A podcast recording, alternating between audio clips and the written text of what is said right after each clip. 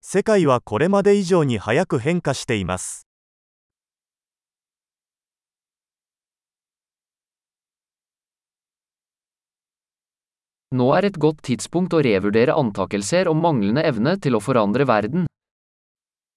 今こそ、世界を変えることはできないという思い込みを再考する良い機会です。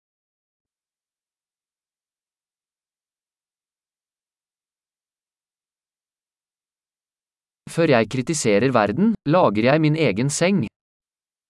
世界を批判する前に、私は自分のベッドを作ります。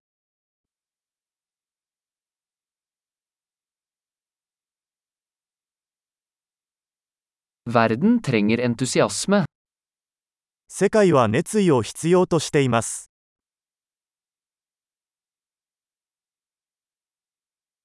Alle som elsker noe er kule. 何でも愛する人はかっこいい。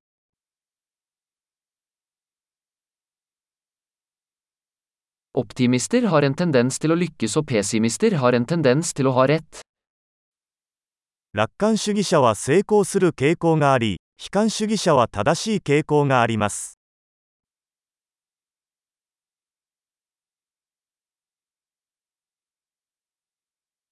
Ettersom folk opplever færre problemer, blir vi ikke mer fornøyde, vi begynner å lete etter nye problemer. 人々が経験する問題が減っても、私たちは満足するのではなく、新たな問題を探し始めます。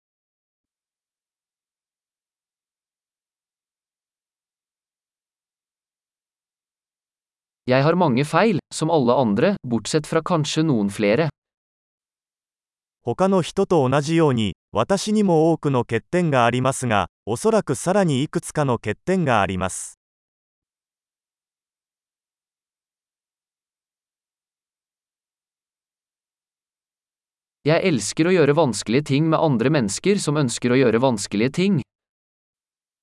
私は難しいことをやりたいと思っている人たちと一緒に難しいことをするのが大好きです。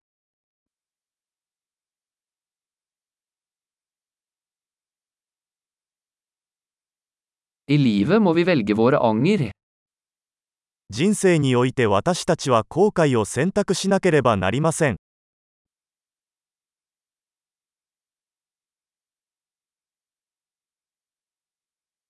Du kan få alt, men du kan ikke få alt. 何でも手に入れることはできますが、すべてを手に入れることはできません。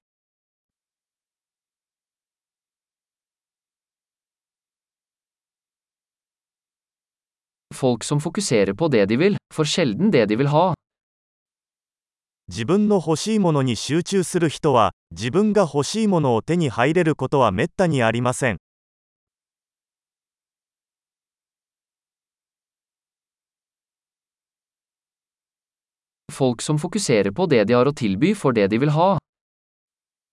自分が提供できるものに集中する人は欲しいものを手に入れます。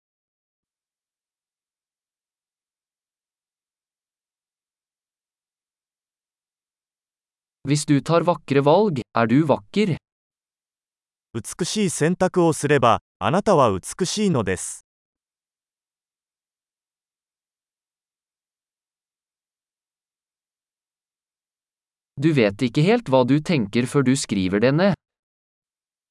自分が何を考えているかは書き出すまでは本当の意味でわかりません。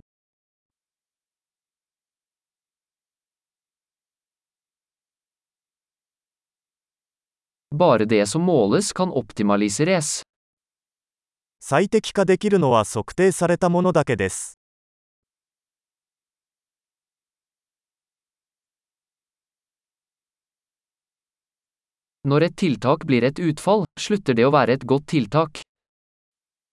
ある尺度が結果になると、それは良い尺度ではなくなります。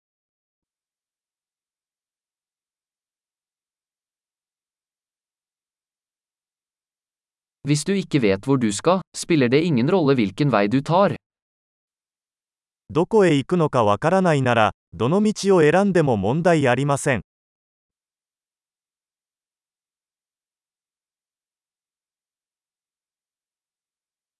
Konsistens garanterer ikke at du vil lykkes, men inkonsekvens vil garantere at du ikke vil lykkes. 一貫性は成功を保証するものではありません。しかし、一貫性がなければ、成功しないことは確実です。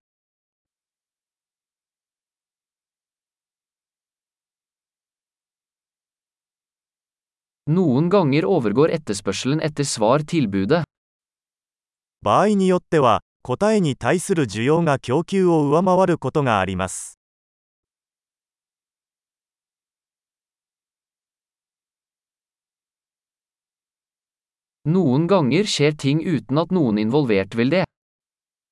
関係者の誰も望んでいないのに物事が起こることもあります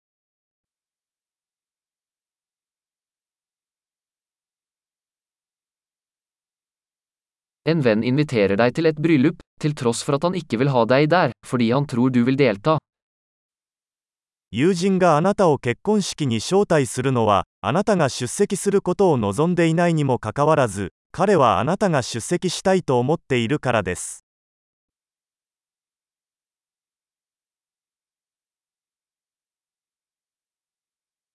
Du deltar i bryllupet, til tross for at du ikke vil, fordi du tror han vil ha deg der. あなたは、結婚式に行きたくないのに、彼があなたをそこに出席させたいと思っているので出席します。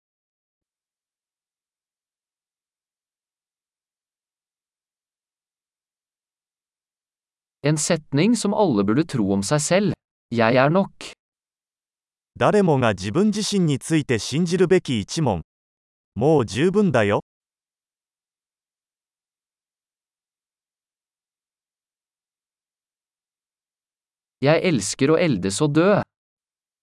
私は老いることと死ぬことが大好きです。